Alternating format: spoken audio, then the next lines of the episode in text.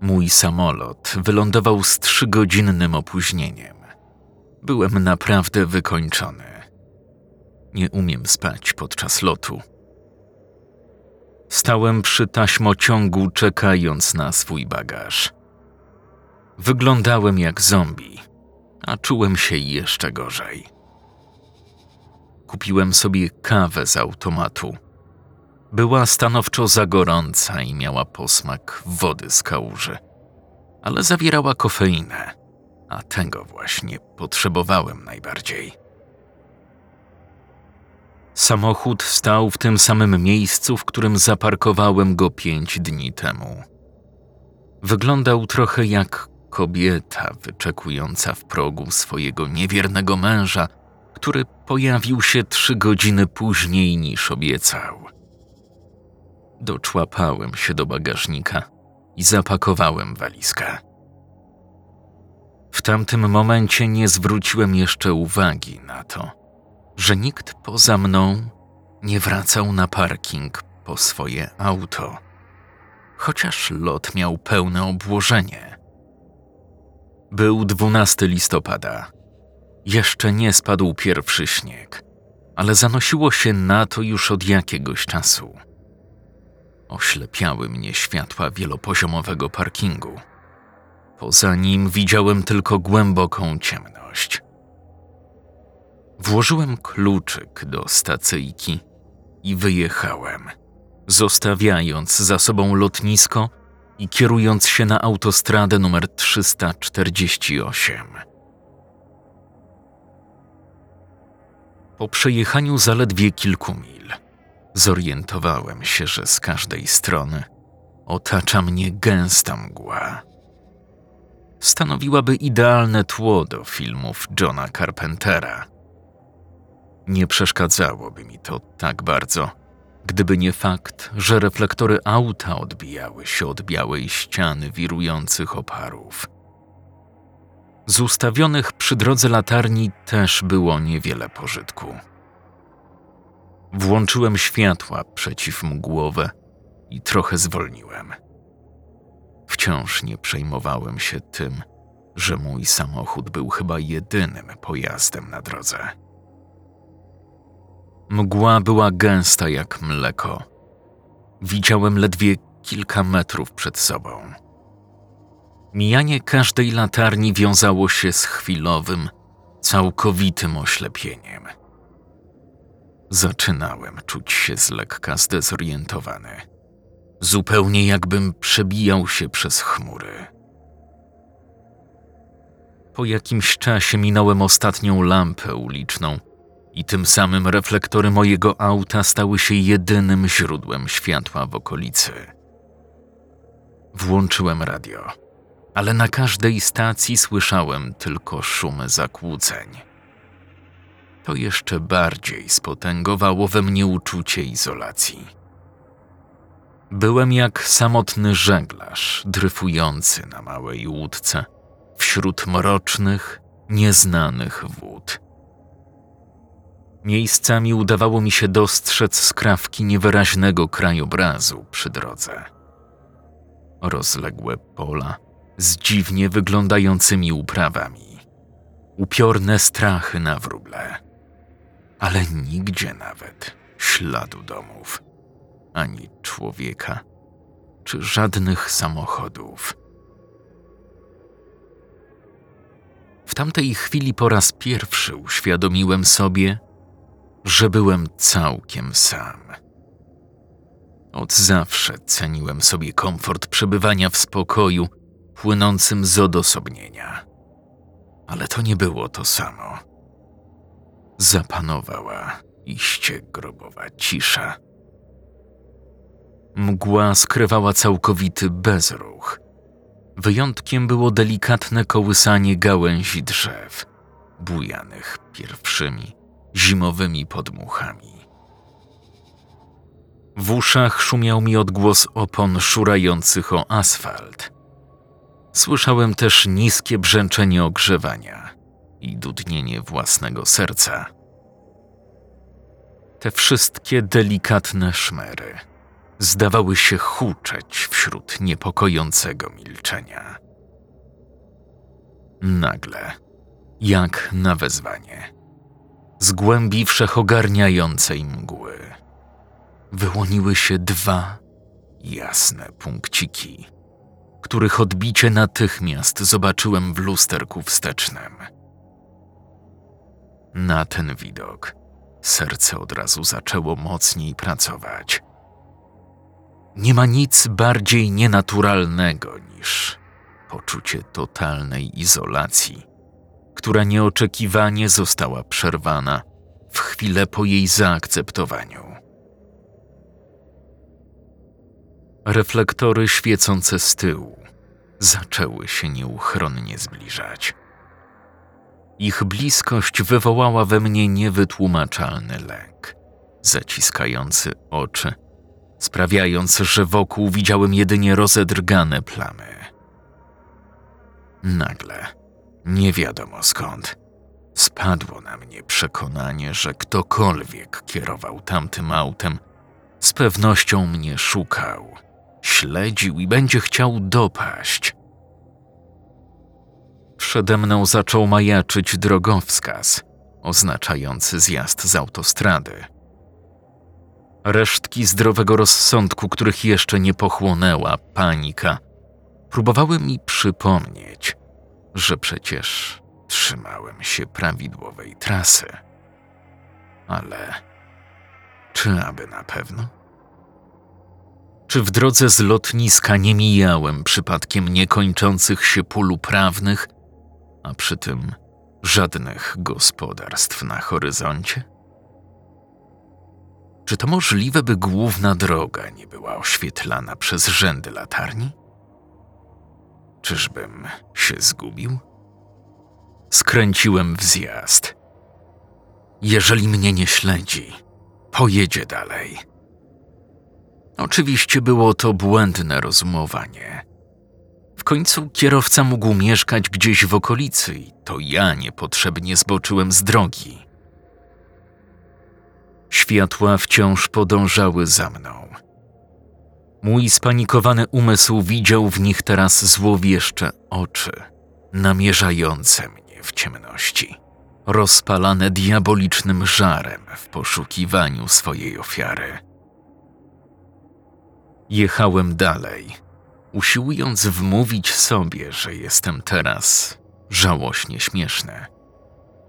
Jednak im bardziej zbliżały się do mnie tajemnicze reflektory, tym bardziej przypominały mi parę upiornych ślepi.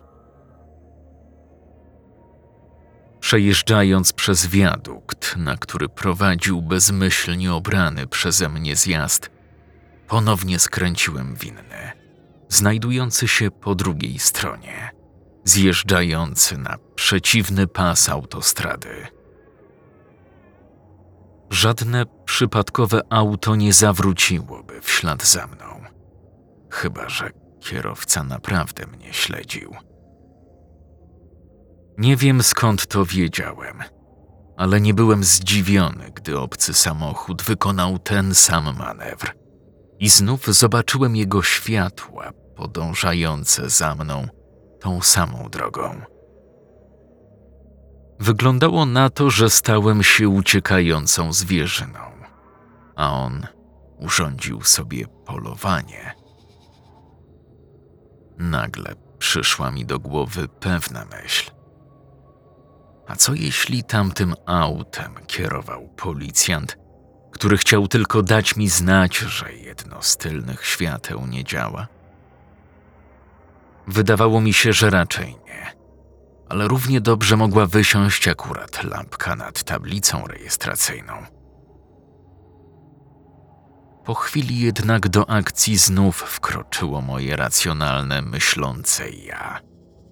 Policjanci na pewno nie przejechaliby za mną tak długiego dystansu, tylko po prostu błysnęliby kogutami albo włączyli syrenę. Po raz kolejny zawładnęło mną wyobrażenie, że jestem ścigany przez nieuchwytnego, nikomu nieznanego drapieżnika. Byłem tak zaabsorbowany widokiem tych świateł, odbijających się we wstecznym lusterku, że mojej uwadze umknął niepokojący fakt. Już dawno powinienem był wrócić na szosę oświetloną latarniami. Jechałem w drugim kierunku, w stronę lotniska już od dobrej godziny, kiedy w końcu zdałem sobie z tego sprawę. Poza reflektorami mojego auta oraz tego, które mnie śledziło, nie było wokół innego oświetlenia. Mgła była gęsta, ale miejscami zdarzały się większe prześwity.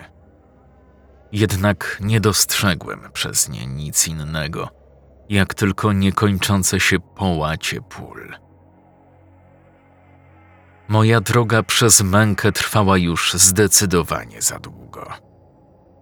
Zjechałem i zatrzymałem się na poboczu. Tak jak się spodziewałem. Samochód jadący za mną. O ile to w ogóle był samochód, zrobił dokładnie tak samo. Zacisnąłem zęby. Zebrałem się na odwagę i przygotowywałem na konfrontację. Nie miałem pistoletu. Jedyną bronią, jaką dysponowałem, był stary, zardzewiały, 40-centymetrowy klucz francuski. Leżał pod tylnym siedzeniem. Chwyciłem go i wysiadłem. Patrząc w stronę świateł z tej perspektywy, rzeczywiście można było powiedzieć, że są to reflektory auta. Pytanie tylko, kim był kierowca i dlaczego mnie śledził? Oczami wyobraźni widziałem już obraz zakapturzonego mężczyzny w długim płaszczu o nieokreślonej twarzy. Powoli z ciemności wyłaniał się przede mną kształt samochodu. Był raczej niewielki, wręcz żałosnych rozmiarów. Była to maleńka Honda Civic w sino-niebieskim kolorze. Za kierownicą siedział chudy, łysiejący facet w okularach z grubymi oprawkami. No dobra, wyłaź stamtąd! Krzyknąłem, wymachując kluczem. Mężczyzna zrobił, co mówiłem, choć poruszał się dosyć niepewnie. Nagle poczułem, że to ja przejąłem kontrolę nad sytuacją. Przybrałem najgroźniejszy wyraz twarzy, jaki umiałem, upewniając się, że ciężkie narzędzie, które dzierżyłem w rękach, jest dla niego dobrze widoczne.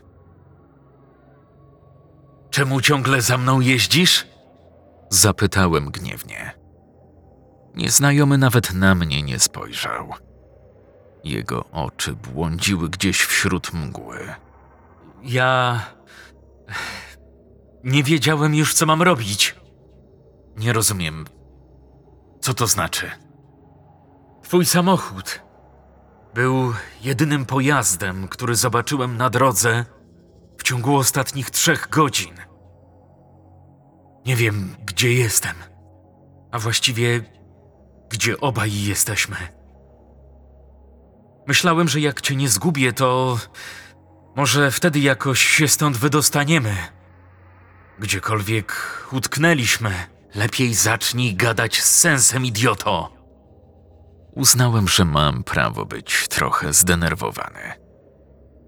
Jesteśmy na autostradzie numer 348. Pewnie jechałeś z lotniska, tak samo jak ja. Z lotniska? Facet wydawał się być szczerze zaskoczony. Ale przecież tutaj w okolicy nie ma żadnego lotniska. Jechałem drogą z Kingsport do swojej siostry w Bristolu. Czekaj. Mówiłeś, że jaka to droga? Nie jesteśmy w Tennessee. Przecież to jest Colorado. Ech. Właściwie to. Nie sądzę, by było to któreś z tych miejsc. Rozejrzyj się, przyjacielu. Naprawdę myślisz, że ciągle jesteśmy tam, gdzie powinniśmy? Dopóki tego nie powiedział, moja uwaga była skupiona tylko na nim i jego małym samochodzie. Mgła znów przysłoniła nas gęstszą warstwą i po chwili ponownie prawie nic nie widziałem. Jednak zdołałem dzięki temu coś zauważyć. Silniki obu aut były teraz zgaszone. Wokół żadnych świateł, z wyjątkiem bladej poświaty, która przenikała mgłę, podobnie jak słaby blask świecy, prześwitujący przez firankę. Widziałem, jak świat wokół dosłownie stanął w miejscu. A jednak czułem dziwne poruszenie. W idealnej ciszy, jakby unosząc się tylko w powietrzu, z oparów mgły zaczęły wyłaniać się kształty.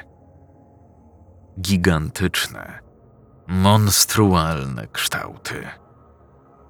Wijąc się i przeplatając, tańczyły w półmroku.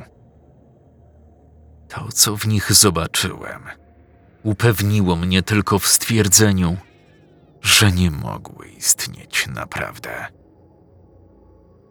Łączyły się ze sobą, przybierając ohydne pozy, cały czas w ruchu, a ja dalej nie mogłem uwierzyć własnym oczom. Ujrzałem ogromnych rozmiarów istotę z ramionami wyrastającymi ze wszystkich stron, które uwalniały z siebie mniejsze wersje potwora, przemykające pod osłoną mgły. Odwróciłem się, spoglądając w twarz nieznajomego, wcześniejszego prześladowcy, a teraz jedynego przyjaciela. Gdzie my jesteśmy? Mężczyzna utkwił tylko wzrok we mgle, po czym powiedział: Najwyraźniej obaj skręciliśmy w zły zjazd. Nie dałem rady się powstrzymać. Zacząłem się śmiać. Śmiałem się nawet wtedy, gdy już dawno zabrakło mi tchu. Śmiałem się jak nieszczęśnik, który jest całkowicie świadomy swej ostatecznej zagłady.